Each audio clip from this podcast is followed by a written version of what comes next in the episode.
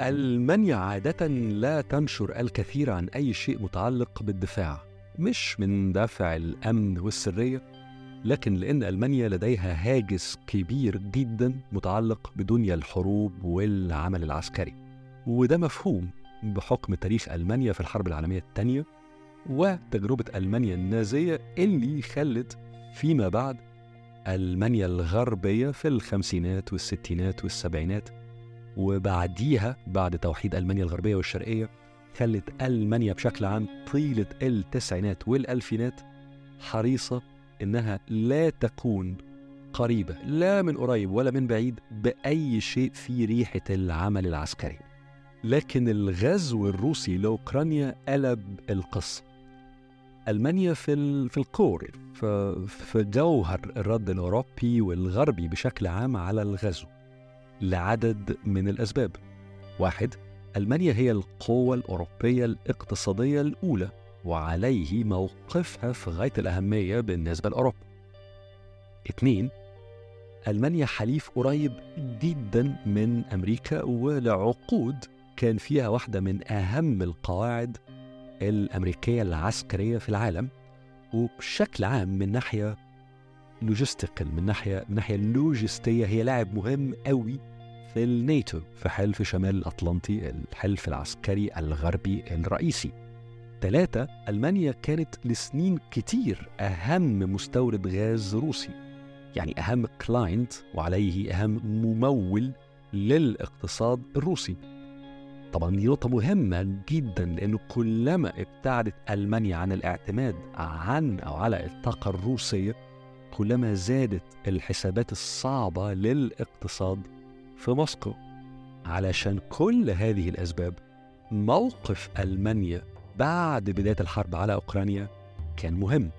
واللي حصل بدون الدخول في تفاصيل كتير إن ألمانيا فعلا قللت بشكل كبير قوي من اعتمادها على الغاز الروسي وبدأت تتعامل مع الحرب على إن أوروبا كلها stakeholder مهم فيها.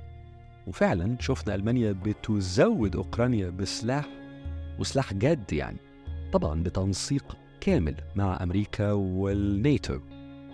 في وسط كل الكلام ده صدرت من ألمانيا ورقة paper عن الاستراتيجية الدولية للبلد في المستقبل.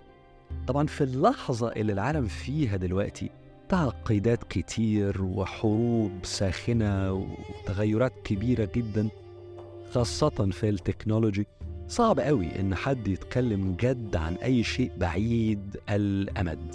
يعني أي حد بيتكلم عن العشرين أو 30 سنة اللي جايين يبقى كلام فارغ على طول.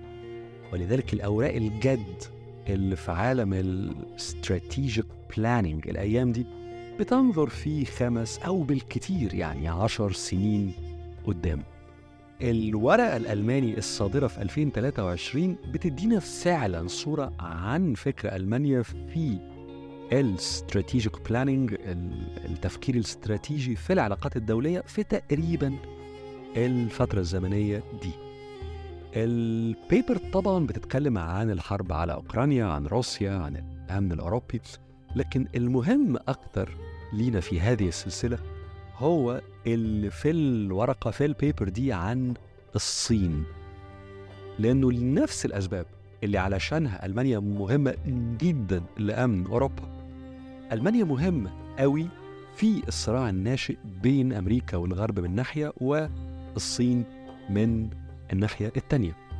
هنا برضو في حساب قوة الاقتصاد الألماني وأهمية ألمانيا اللوجستية وطبعا قوتها كمركز بحث وعلم وتصنيع وخلق تكنولوجي تكنولوجي جديدة كل ده. لكن مع ده في نقطة تانية؟ وهي إن الصين واحد من أهم إذ لم تكن أهم سوق للصناعات والصادرات الألمانية وده هو المفتاح هنا. مفتاح فهم التفكير الاستراتيجي الألماني الظاهر من هذه الورقة وهو إن ألمانيا بتنظر للصين كشريك سواء اقتصادي أو في بعض الصناعات أو في موضوعات ليها أهمية دولية زي مثلا مجال الطاقة البديلة الاحتباس الحراري وغيره. كل ده كويس قوي طبعا في كلام دبلوماسي يعني. يعني كلمة شريك لفظ فضفاض يحتوي جواه فكرة إن الصين سوق بتعمل كبرى الشركات الألماني فيه وبتعمل فيه فلوس كتير قوي بتعمل فيه مليارات.